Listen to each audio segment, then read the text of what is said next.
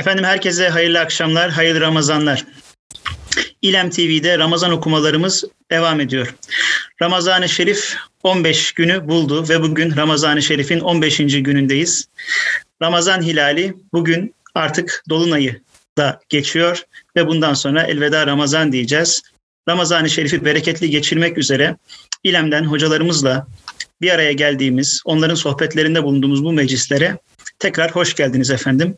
Bugün Ramazan-ı Şerif'in 15. günü. Aynı zamanda bugün her yıl olduğu gibi Dünya Yetimler Günü.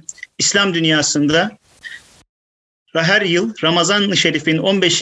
günü Dünya Yetimler Günü olarak idrak ediliyor, anılıyor ve insanlık bilhassa savaşlar ve işgaller sebebiyle anne babasını yitiren çocukların farkındalığına davet ediliyor. Biz de bugünü anıyoruz. Ramazan-ı Şerif'in 15. günü ve Ramazan-ı Şerif'in tüm günleri hürmetine, bu güzel günler hürmetine, mağfiret ikliminin yağdığı bu günler hürmetine dünyada yetimlerin gözyaşının dinmesini ümit ediyoruz. Efendim güzel derslerden, güzel okumalardan sonra bugün inşallah Tahsin Görgün hocamızla 29 Mayıs Üniversitesi Felsefe Bölüm Başkanı değerli hocamız Profesör Doktor Tahsin Görgün'le beraber olacağız. Ve inşallah 8. Hicri asrın büyük alimi Saadettin Taftazani'nin 40 hadis şerhini kendisiyle e, okuyacağız, istifade edeceğiz. E, bu Ramazan akşamını bizlere ayırdığı için, e, davetimizi kabul ettiği için e, kendisine hocamıza çok teşekkür ediyoruz. Allah razı olsun. E, ve sözü fazla uzatmadan ben sözü Tahsin hocamıza bırakıyorum. Hocam buyurun. Çok teşekkürler. Evet, teşekkür ediyorum. Ee, Bismillah, elhamdülillah. Ve salatu ve selamu ala Resulillah.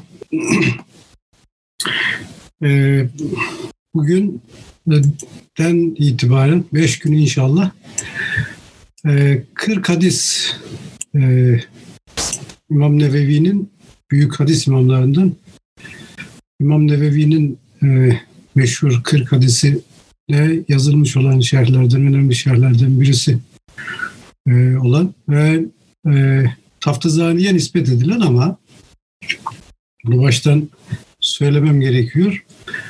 E, eğer e, şeyin e, eserin e, ferah kaydı e, dikkate alındığında e, Taftazani'nin vefatından yaklaşık 15 yıl sonra e, yazılmış olduğu anlaşılıyor e, kitabın. Dolayısıyla e, eserin o 40 hadis şerhinin e, Taftazani'ye değil de e, daha çok böyle sufi meşrep bir e, Taftazani talebesi tarafından onun e, ilmi birikiminin de e, birikiminde dikkat alarak hazırlanmış bir e, 40 hadis şerhi gibi gözüküyor. E, dolayısıyla e, biz belki e, doğrudan Taftazani'nin elinden çıkmış bir e, metin e, ile karşı karşıya değiliz. Ama mana olarak Taftazani'nin e, düşüncesinden, eserlerinden, fikirlerinden çokça istifade eden ve o şekilde hazırlanmış olan bir metinle karşı karşıyayız. Onu baştan bildirmekte fayda var. Önce kısaca e, bu 40 hadis e, konusunda e, bazı şeyler söyleyeyim. E, 40 hadisle ilgili tabii e, İmam Nevevi başında şöyle bir şey söylüyor. Diyor ki bir, bir hadis-i şerif var hadis-i şerif olarak rivayet edilen bir söz daha doğrusu. İşte kim 40 tane hadis ezberlerse yani kısaca cennete girer e, mealinde bir hadis söz konusu. Ama bu hadisin e, zayıf bir rivayet olduğunu e, söylüyor İmam Nevevi.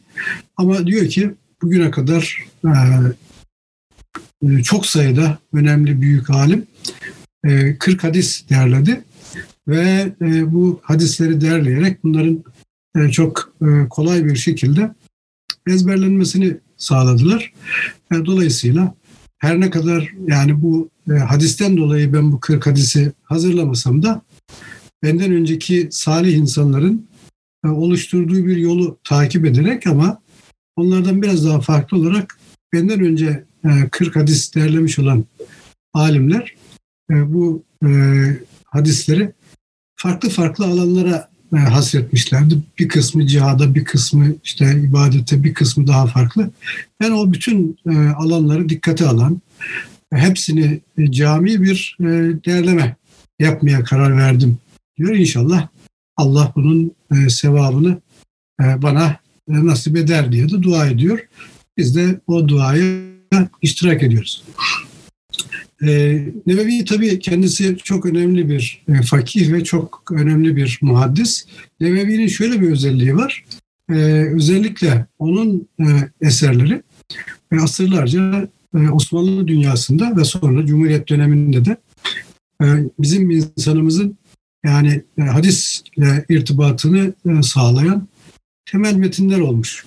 Öyle olduğu için İmam Nevevi e, hem de yaşadığı bölge olarak da şeyde Şam civarında yaşadığı, oralarda yaşadığı için Dimeşk civarında aslında bu toprakların da insanı yani dolayısıyla hem yaşadığı dönem itibariyle hem daha sonraki e, bizim kültürümüzdeki yeri itibariyle bu topraklardaki dindarlığın ilminde e, normal tabii bir parçası. Dolayısıyla bir anlamda İmam Nevevi hakkında konuşmak demek biraz da kendimiz hakkında konuşmak demek. Kendimizi oluşturan, bizi oluşturan e, o zeminin nerelerden geldiğini fark etmek istediğimizde bakmamız gereken önemli isimlerden birisi. Taftazani de e, aynı şekilde e, çok e, önemli bir e, zat. E, Taftazani'nin e, kısaca e, hayatıyla alakalı şu kadarını söyleyeyim. Kendisi e, 8. yüzyılda doğuyor, Hicri 8. yüzyılda ve 9. yüzyılda vefat ediyor. Yani 1322'de miladi doğuyor. 1390 yılında vefat ediyor. İmam Nevevi 1234'te doğuyor, 1277'de doğuyor. Aralarında yaklaşık bir 100 yıllık bir e, fark var. E, yani 100 yıl sonra yaşamış Taftazani. E, Taftazani'nin e, kendisinin yaşadığı dönemi e, şöyle kısaca e, düşünecek olursak, yani onun hakkında o genel e, manada bir fikir sahibi olmakta fayda var.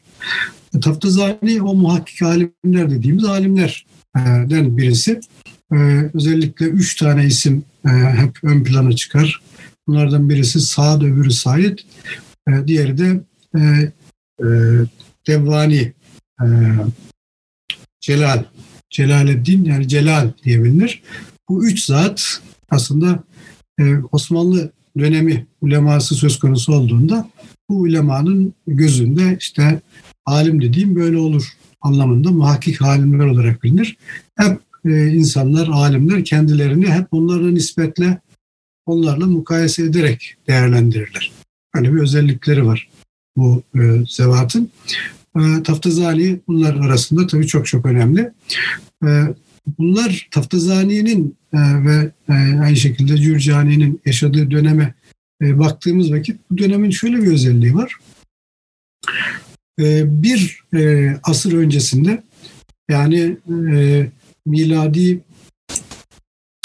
e, 7. yüzyılda e, aslında e, çok ilginç bir dönem. Tabii hem Moğol istilasının e, zirvede olduğu dönem ama diğer taraftan da e, Hicri 7. asrın başında Fahrettin Razi, Fahrettin Razi vefat ediyor. E, Hicri 606, miladi 1210 e, Tam da 29 Mart'ta vefat etmiş e, Razi. E, tabii Razi'nin şöyle bir özelliği var. Onu bilmemizde fayda var. Razi öyle bir alim ki Gazali'nin e, gördüğü, keşfettiği ve çözüm tekliflerini sunduğu o e, yaklaşımı e, Razi tamamlıyor ve onu tam bir sistem haline getiriyor. Özellikle Fahrettin Razi'nin önemli özelliği e, mantık esaslı düşünmeyi tam zirveye e, taşıyor. Zirveye e, taşıdığı için de aslında mantık Razi ve onun peşinden gelen alimler söz konusu olduğunda, muhakkik alimler söz konusu olduğunda onlar için yöntem kabaca mantık demek. Yani işte iyiciğinin mesela o çok önemli bir yerde durur iyici.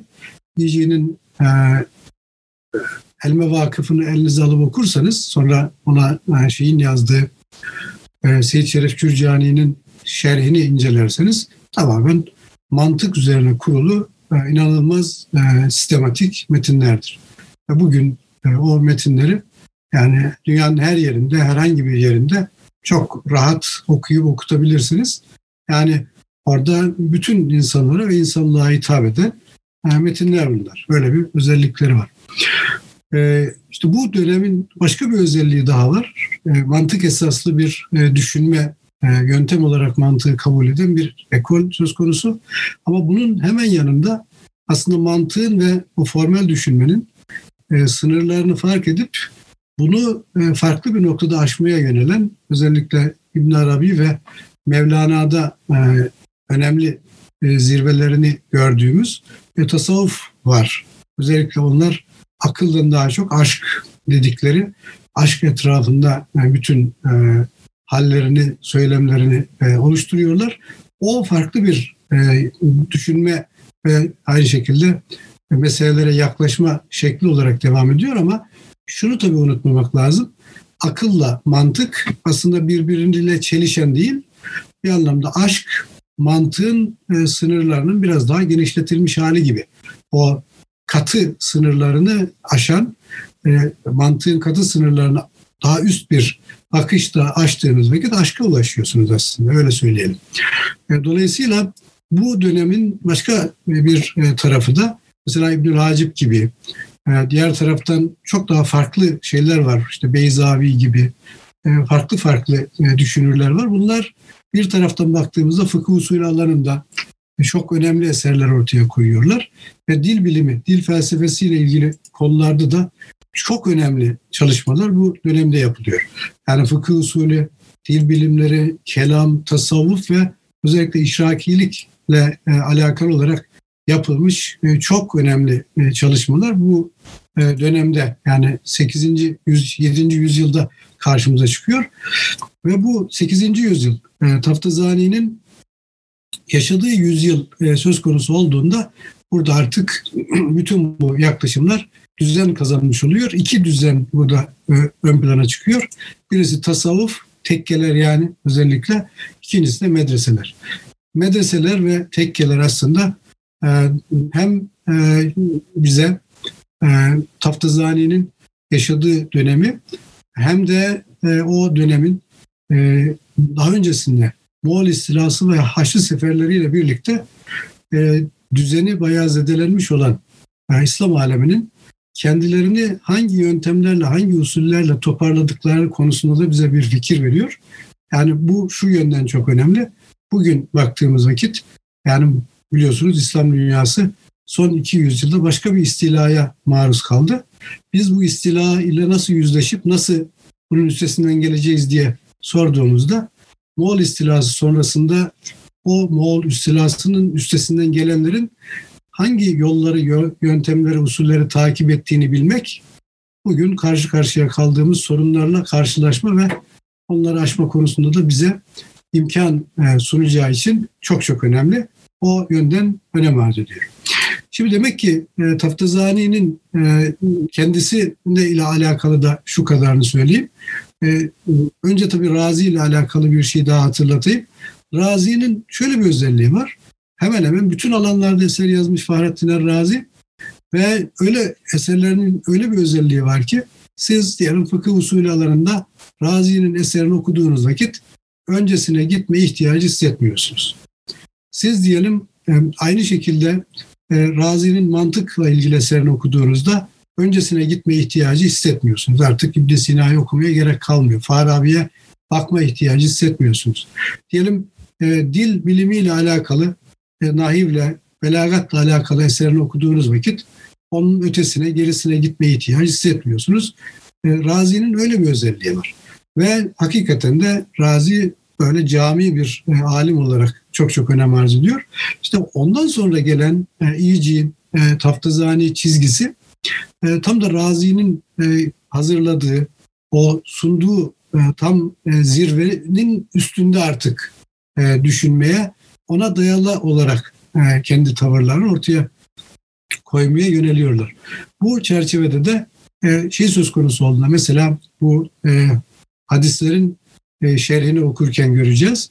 Hadisleri de şerh ederken orada artık e, sadece lafzi e, bir şerhle karşı karşıya olmayacağız. Orada aynı zamanda hem e, karşımıza o şeyin razi ve sonrasındaki metafizik sistemlerde hadislerin şerhinde karşımıza çıkacak. Onların izini adım adım takip edeceğiz. Yani insanların hadisle iştigali söz konusu olduğunda bu iştigalin herhangi bir şekilde bir e, felsefi, metafizik bir derinlik e, sahibi olmadığını düşünmek başlı başına bir hata olur.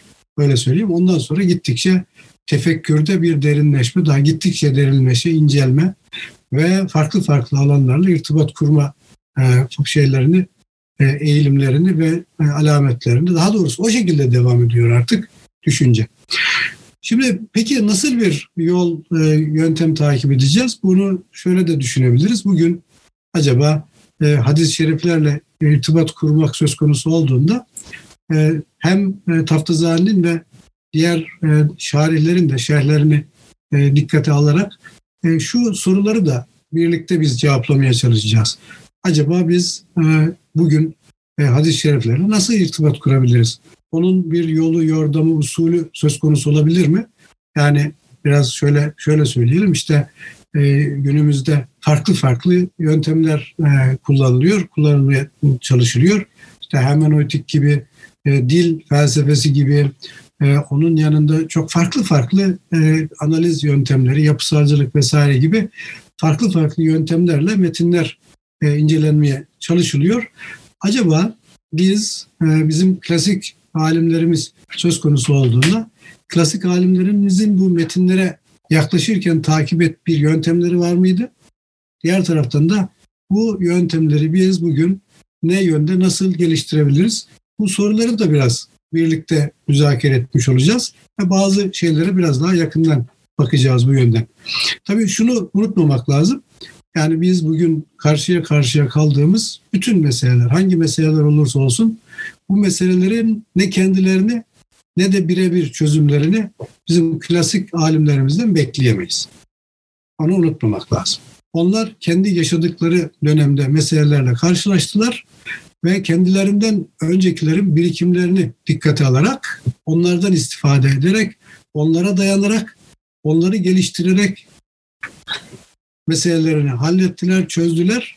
Biz de bugün yine onlara dayanarak, onlardan istifade ederek karşı karşıya kaldığımız meseleleri kavrayacağız ve onlara bugün e, çözümler üreteceğiz. Bizim vazifemiz bu. Bizim vazifemiz olan konuları bizden önceki insanlara, alimlere, düşünürlerimize e, havale edip onlardan çözüm beklemenin çok fazla bir anlamı yok. Peki nasıl bir e, yöntem takip edeceğiz hadislerle irtibat kurarken? Önce çok kısaca hadis hakkında kısa malumatı vereceğim ben. Bu hadis hakkında kısa malumat aynı şekilde hadisin tercümesi de de vermek olacak. Hadisin tercümesini vereceğim. E, sonra bu konuda işte Taftazani'ye nispet edilen eserde ve e, diğer başka şarihler, yani çok fazla şarihi belki burada dikkat alamayacağız ama özellikle özellikle e, şeyin e, e, Akkirmani ve e, şeyin birlikte hazırladıkları, daha doğrusu e, bir gibinin başlayıp Akkirmani'nin devam ettiği bir e, aynı şekilde bir e, 40 hadis eseri var. Orada da benzer rivayetler söz konusu. Onların da orada takip ettiği bir yöntem var. Ona da dikkat alacağız. Diğer taraftan temel noktalardan birisi, temel soracağımız soru bu hadis bize bugün ne söylüyor? Bunu tabii e, nasıl ele alacağız? Yani hadisin bize bugün ne söylediğini sorduğumuz vakit tabii biz nasıl bir dünyada yaşıyoruz? Bunu unutmadan bunu yapmamız lazım. Günümüzde baktığımız vakit tabii fertler çok önemli ki bunu hep göreceğiz. Bizim klasik alimlerimiz e, şerhlerini yaparken hep gerisi olmayan bir fert. Ferde hitap ediyorlar ve ferdi harekete geçirmek, ferde hitap etmek, ferde anlatmak e, ferdin anlayışı, kavrayışı, davranış, davranışıyla alakalı e, ona bir anlamda yol göstermek, destek olmak istiyorlar. Ama günümüzde baktığımızda artık bu manada fertlere hitap etmek tabii ki önemli ama eğer siz e, bir şekilde yapıları, düzenleri, düzenekleri kurup oluşturamıyorsanız o zaman fertlerin e, kendilerinin e, yönelişleri ve onların inançları, bilgileri çok da etkili, tesirli olamıyor. Dolayısıyla o fertle düzenler, yapılar, sistemler arasındaki irtibatı düzgün kurarak biz aynı zamanda özellikle sistem açısından bakıldığında e, o sistemler açısından bu hadisler bize ne söylüyor? O sistemleri kurarken, oluştururken bu hadis-i şerifler yani kendisiyle irtibat kurmaya çalışacağımız hadis-i şerifler bize nasıl e, yol gösteriyor? Burada da e, hep şuna e, dikkat edeceğiz. E, bir defa e, hadisler yani Peygamber Efendimiz her halükarda bizim hep önümüzde. Yani bizden daha doğrusu bizim hep zeminimizde bizim yaptığımız her şey de e, her şey Hazreti Peygamberle irtibatlı oradan başlıyor.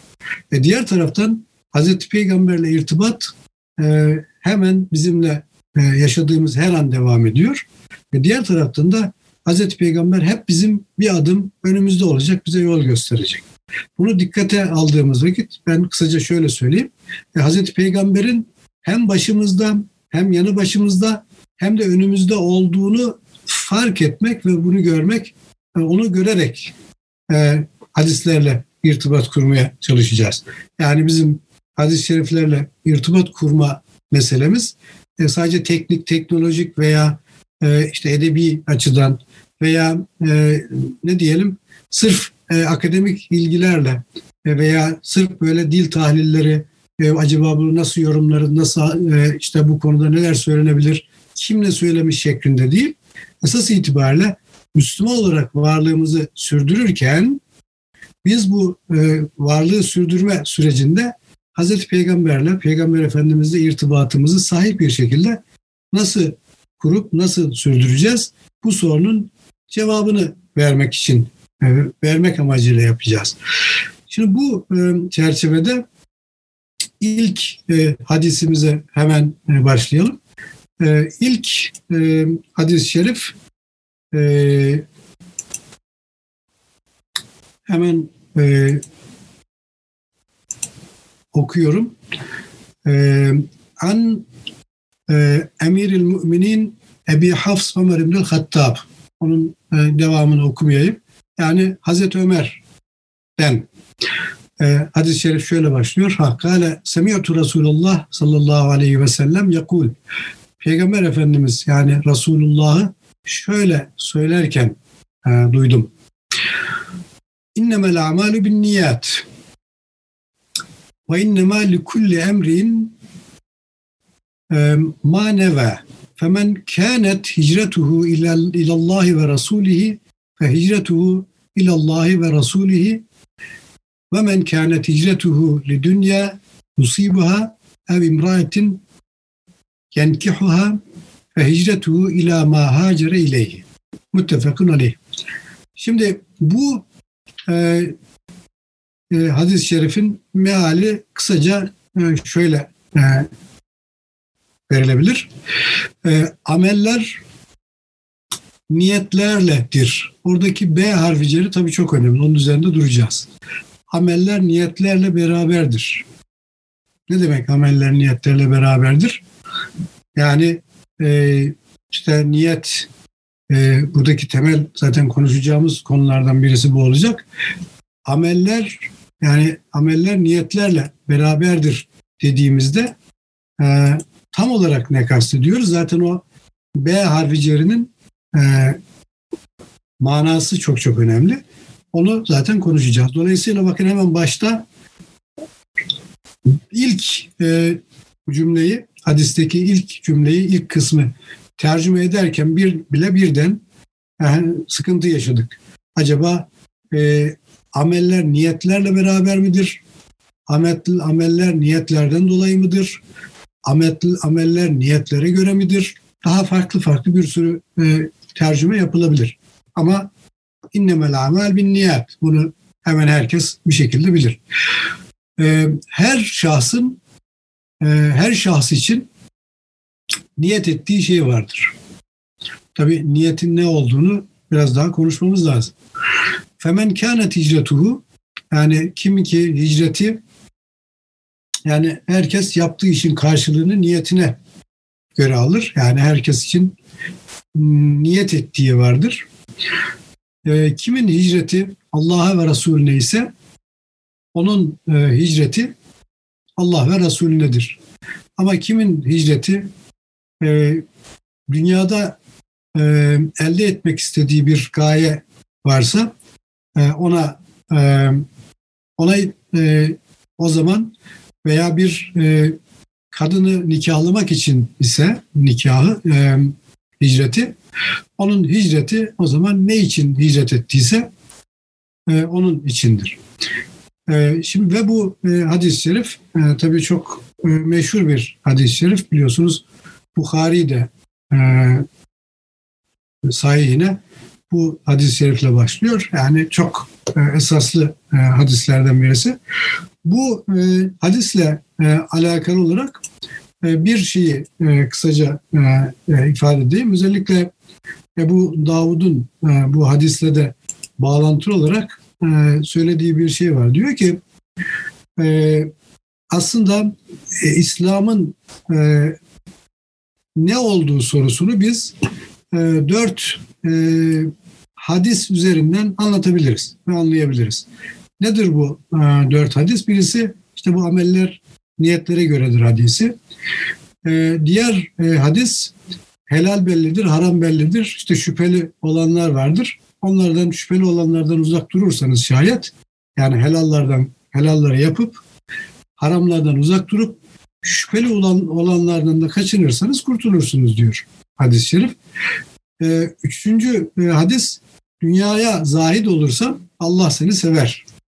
Ee, dördüncü e, hadis-i şerifte e, sizden biriniz kendisi için hoş gördüğünü, istediğini kardeşi için de hoş görüp istemediği sürece iman etmiş olmaz. Ve dolayısıyla e, hatta İmam Şafii'nin bu e, hadisle alakalı olarak İslam'ın üçte birini e, bu e, hadis oluşturur dediği de nakledilir. Yani e, şey, bu hadis-i şerif söz konusu olduğunda bu hadis-i şerifin ehemmiyeti konusunda e, Müslümanlar, ulema e, müttefik, e, yani ittifak halindedir. Şimdi peki e, bu e, hadisle alakalı olarak önce hemen ilk e, kısmına bakalım. E, öncelikle e, ameller niyetlere göredir. Şimdi niyet dediğimizde niyeti biz nasıl anlayacağız? E, Taftazani bize e, bu konuda e, çok geniş e, Taftazani'ye nispet edilen metin dememiz lazım. Bize burada çok e, uzun e, tahliller yapıyor. Mesela e, yapılan e, şeylerden, tahlillerden birisi e, niyeti diyor. Biz e, bazıları diyor altı kısma e, ayırmışlardır. E, bunlardan e, birisi hemen tam metne e, bakıyorum. E,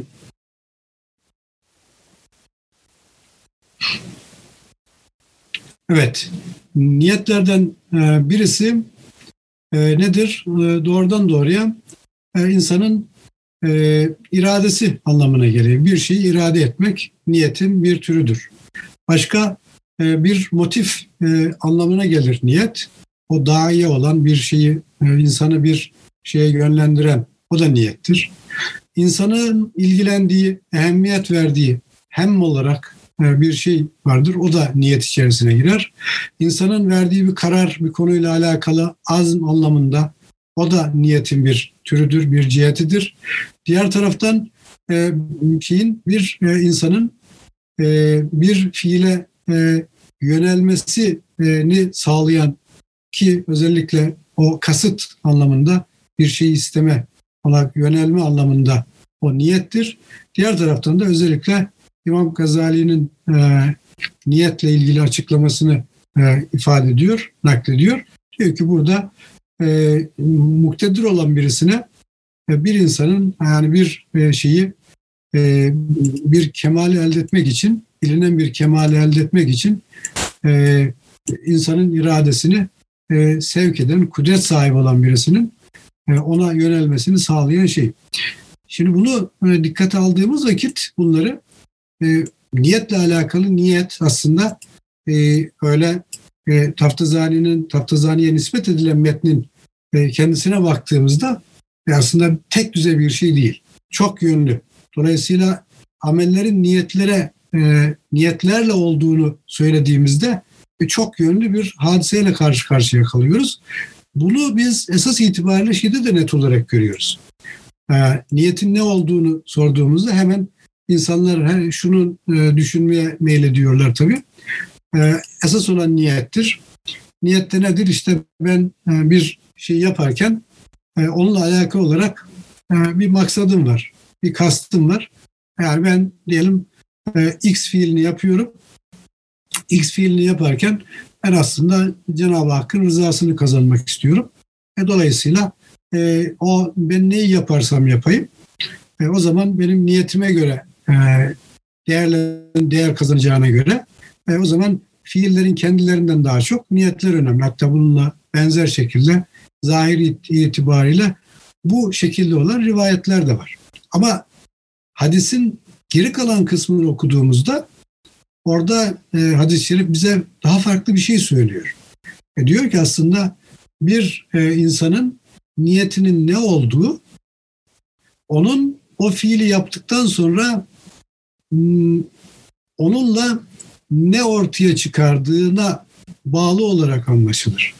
Yani e, amellerin e, e, ne olduğunu onu yapanın onunla elde ettiği şeye bakarak e, anlayabiliriz. Aksi takdirde e, niyet dediğimiz şey insanın iş dünyasında iş dünyasında olduğu için de benim herhangi bir fiili yaparken o fiili e, hangi e, kasıtla, hangi niyetle, hangi amaca matuf olarak yaptığımı sadece kendim bilirim. E, dolayısıyla kendim bildiğime göre benim içimde olan bir niyet e, aslında e, objektif bir e, gözleme açık değil. Dolayısıyla eleştirel bir şekilde tartışmaya açık değil.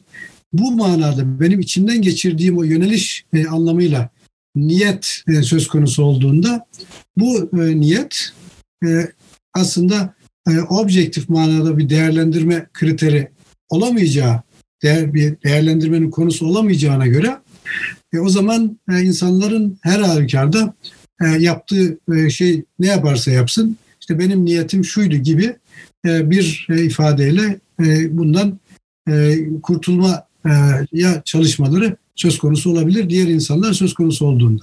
Ama tabii şu nokta önemli.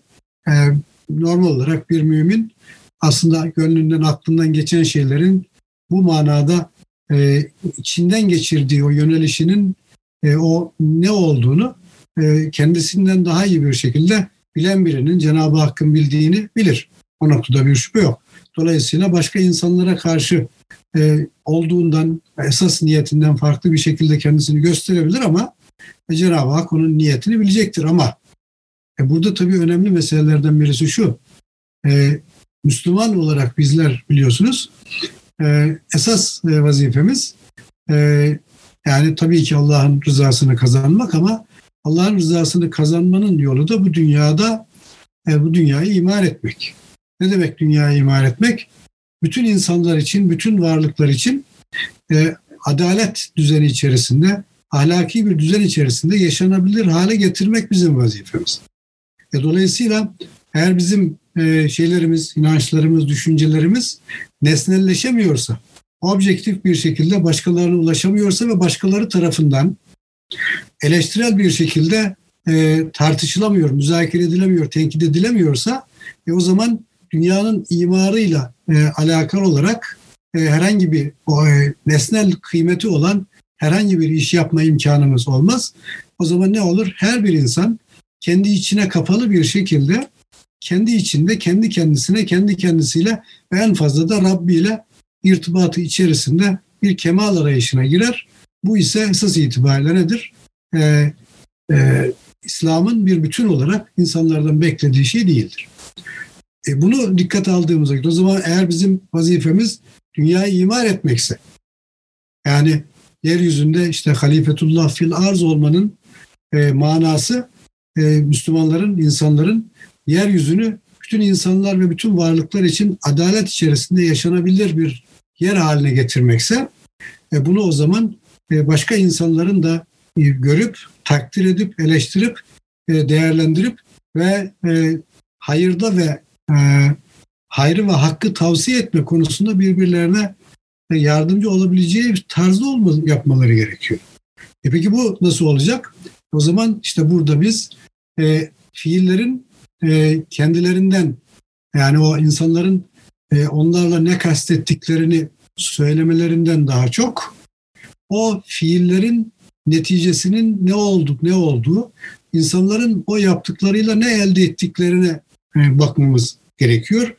Bunu dikkat aldığımız vakit o zaman e, fiiller aslında onlarla e, ulaşılmaya çalışılan amaca bağlı olarak değerlendirilmelidir e, dememiz gerekiyor.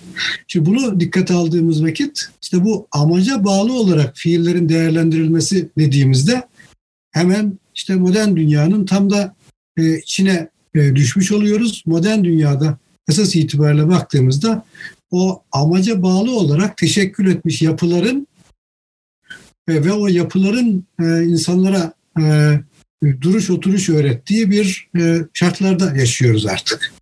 Ve biz e, baktığımızda e, özellikle modern dünyada Müslümanların karşı karşıya kaldığı en büyük sorun esas itibariyle kendi oluşturmadıkları yapıların mahkum olmaları.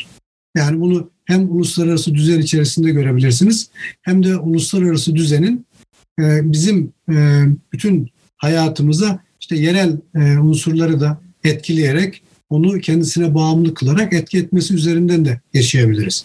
Bunu dikkate aldığımız vakit o zaman bu hadis-i şerifin bize söylediği şeyine bugün o zaman biz öyle e, gayeler, sahih gayeler e, oluşturup o sahih gayelere e, kendi fiillerimizi irtibatlandırıp o sahih gayeleri e, niyetimizin içerisine alarak ona bağlı olarak e, farklı farklı oluşumları gerçekleştirmemiz lazım. Bu nasıl olacak? İşte mesela diyelim e, işte makaslı şeria olarak e, bildiğimiz alanı dikkate aldığımız vakit oradaki makasıttaki işte makasıt hep o niyetlerin o objekt nesnel hale gelmiş şeklidir makasıt netice itibariyle. O objektif hale gelmiş olan makasıtta mesela nedir? İnsanların malını korumayı üst ilke olarak kabul eden bir e, düzen e, oluşturduğunuzda buna ekonomi diyeceksiniz. E, diğer taraftan insanların neslini korumayı bir düzen oluşturma söz konusu olduğunda oradaki nesli hem maddi hem manevi olarak düşündüğünüzde bir taraftan aileyi koruyacaksınız ama diğer taraftan da her bir ferdin e, Allah'ın kulu olarak yetişmesini temin edecek o bir düzenek içerisinde bir eğitim sistemini kurmayı artık e, dikkate alıp onu e, gaye olarak seçip onun üzerinde durmanız gerekecek. Böyle devam edebilirsiniz. Şimdi bütün bunlar aynı zamanda şunu e, bize söylüyor bu e, şeyde e, hadis-i şerif. Bir taraftan baktığımızda aslında ferdi olarak her bir ferdin kendisinin yönelişi vazgeçilmez bir şey. Ama o kendi yönelişini kendi dışında başka birisi bilmez. Ama oradaki yani yanımdaki insanların e, o içinden geçirdikleri, kastettikleri şeyin ne olduğunu olduğu benim için gayb alanı. Gayb alanı olduğu için o gayb alanını ben bilemem. Ama e, şu noktada çok önemli. Eğer insanlar o kendi o gayb alanının aslında mutlak gayb olmadığını e, Cenab-ı Hakk'ın yani bütün gaybı yani bizim şah damarımızdan bize daha yakın olan Cenab-ı Hakk'ın onu bildiğinin farkında olarak e, kendi içinden geçirdikleri niyetleriyle e, elde etmek istedikleri amaçlar arasındaki e, telifi her bir fert kendi hayatında sağlarsa o zaman şunu söyleyebiliriz. Fertlerle toplumsal düzen arasında bir uyum söz konusu olacak.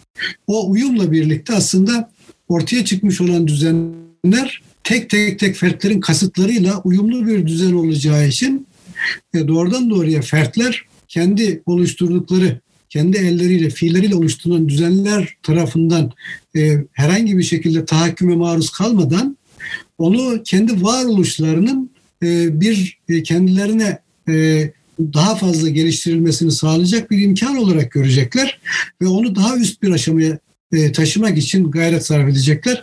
Ve bütün bunları yaparken de tabii ki e, sahih amaçlar, sahih araçları gerektirir. Dolayısıyla e, burada da neyin e, sahih e, vasıta araç olduğunu da e, yine e, bu e, bağlamda e, dikkate alarak bütün yapacaklarını yapacaklar. Şimdi bütün bunları dikkate aldığımız vakit şu kadarını söyleyeyim. Bu perspektiften baktığımızda aslında günümüzde özellikle sosyal bilimler alanında geliştirilmiş olan çok farklı farklı yaklaşımlar var. İşte yapısal, fonksiyonel yaklaşımdan işte psikanalize, psikanalizden e, behaviorizme, davranışçılığa, davranışçılıktan işte e, şeye bu intention kavramı üzerinden e, geliştirilmiş olan işte anlama esaslı sosyal bilimler yaklaşımı denen Max Weber'in vesaire yaklaşımı.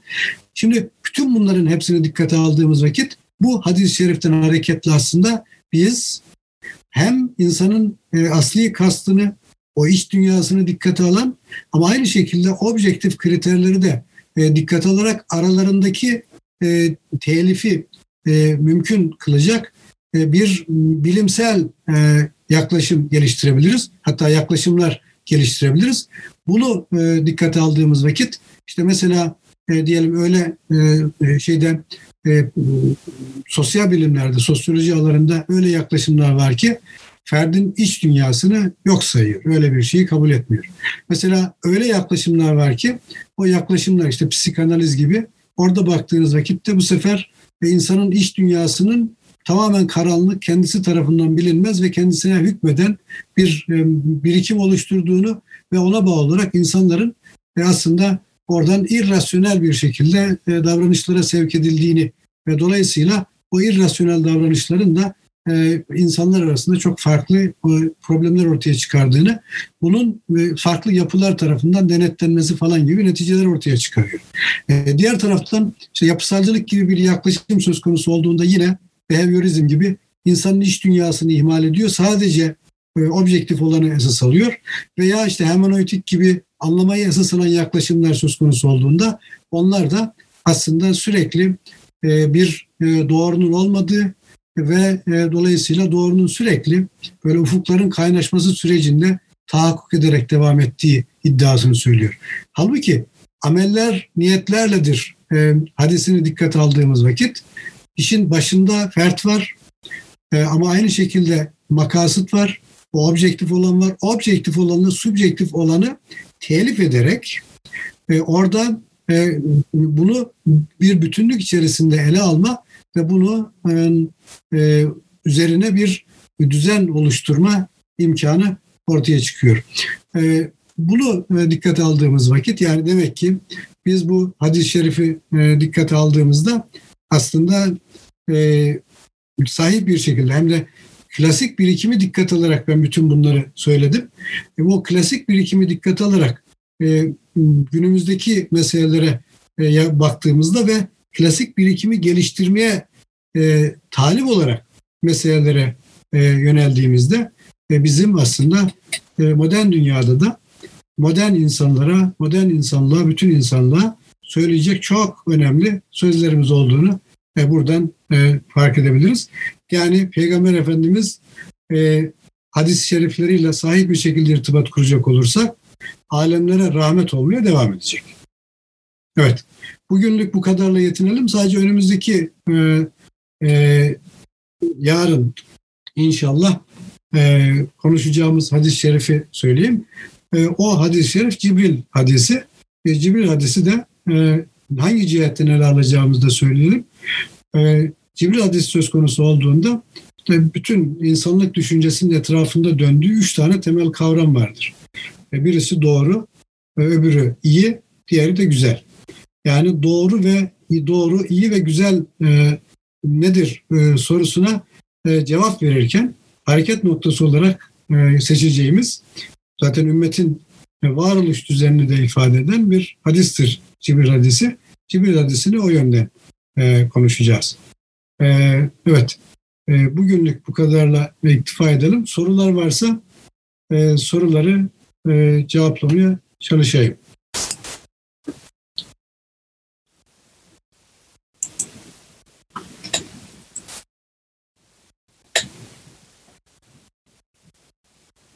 Evet, anladığım kadarıyla e, soru e, ya mahal olacak herhangi bir e, durum söz konusu değil. E, dolayısıyla evet, ha, bir dakika. Eğitim bilimlerinde mevcut olan edimsel ve tepkisel koşutlama ile psikomotor öğrenme kuramları bu hadis nazarınca bertaraf oluyor mu? Ha işte burada her halükarda insanın o Rabbi ile irtibatı söz konusu olduğunda her halükarda e, netice e, irtibat şöyle e, söyleyeyim. E, netice itibariyle e, bütün o e, bu eğitim bilimlerindeki e, edimsel ve tepkisel koşullama dediğimiz şey insanın iç dünyasını yok sayar. İnsanın iç dünyasını, o benliğini yok saydığı için onu input output meselesi olarak görür. Normal mekanik bir süreç gibi e, görerek onları da input output'u da rahat böyle hesap ederek matematiksel e, dile aktararak verirsiniz. Sonra e, çıktıları da matematik dille e, ile hesaplayarak e, aralardaki irtibatı gör, e, dikkat aldığınızda işte insanın e, o şekilde yönetileceğini e, varsayarsınız. Halbuki e, dediğim gibi e, insanın aslında bir e, kendi iradesi vardır, özü vardır. İnsanın e, esas itibariyle önemli e, özelliklerinden birisi kendi özünü e, Rabbi ile irtibatı içerisinde gürleştirir insan. Yani onu e, unutmamak lazım. Evet, bir soru. Hocam Taftazani ile çok alakalısınız. Bu kadar muhabbetin e, sebebi nedir? E, ne diyelim ben çok alimle, alimin muhabbetim vardır ama e, Taftazani'ye e, Taftazani ile olan e, irtibatım, muhabbetimin e, sebeplerinden birisi e, bir defa zihni çok açık. Yani metinlerini okuduğunuz vakit Taftazani'nin metinlerinde öyle e, şeyli anlaşılmaz e, e, ifadeler bulamazsınız. E, çok düzenli yazar, çok sistematiktir e, ve çok anlaşılır e, yazar. En zor, en çetrefilli meseleleri bile e, Taftazani'de e, çok kolay, e, çok kolay derken tabii onun ön şartlarını yerine getirdiğinizde kolay bir şekilde anlayabilirsiniz. E, diğer taraftan da ben Taftazani'de e, çok ilginç bir, e, nasıl diyelim, stratejik olmayan, e, samimi bir hava sezerim. Mesela Seyit Şerif Cürcani o noktada bana daha stratejik davranan birisi gibi gelir. Tabi o da çok kıymetli bir alim. O noktada bir şüphe yok. Ama onlar yani birbirleriyle irtibat içerisinde baktığımda ben tabii e, Seyit Şerif Cürcani'yi de çok severim. O noktada bir yok ama kendimi Taftızani'ye daha yakın hissederim. Böyle. Evet peki o zaman e, bugünlük e, bir dakika modern yapıların bireyleri belirlediği bir düzenin ortadan kaldırılmasıyla bireylerin varoluş zeminini ne ve kim belirleyecektir? Tabii şu nokta önemli. Modern yapıların ortadan kaldırılması söz konusu değil modern yapıları sadece daha üst ilkelere e, bağlayarak onları insanın aleyhine bir durum oluşturmayacak şekilde işler e, hale getirmemiz gerekiyor. E, dolayısıyla biz şu andaki modern yapılar dediğimiz yapılar tek tek bireylerin, fertlerin aleyhine bir durum oluşturuyorlar.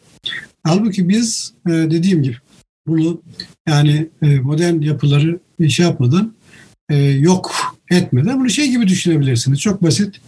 İşte yapılar dediğimizde mesela e, dillerin yapıları vardır, gramerleri vardır.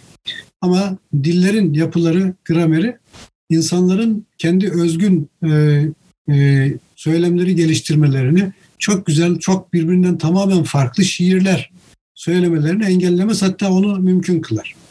E, ama günümüz e, sistemleri söz konusu olduğunda günümüz sistemleri insanları hep tek düze edip e, yani bir e, nasıl diyelim bir e, üniformizasyon diyebileceğimiz bir şey talep eder, bekler insanları tek düzeleştirmek gibi bir fonksiyonu var.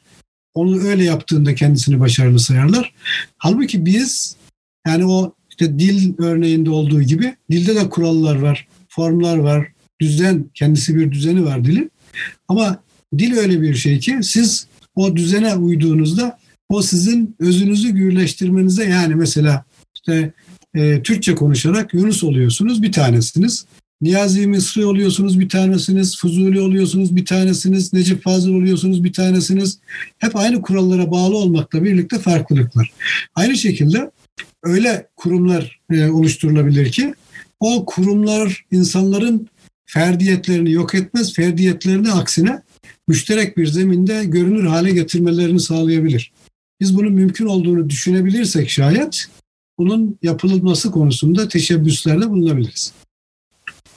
Evet, herhalde bugünlük bu kadarla iktifa edelim.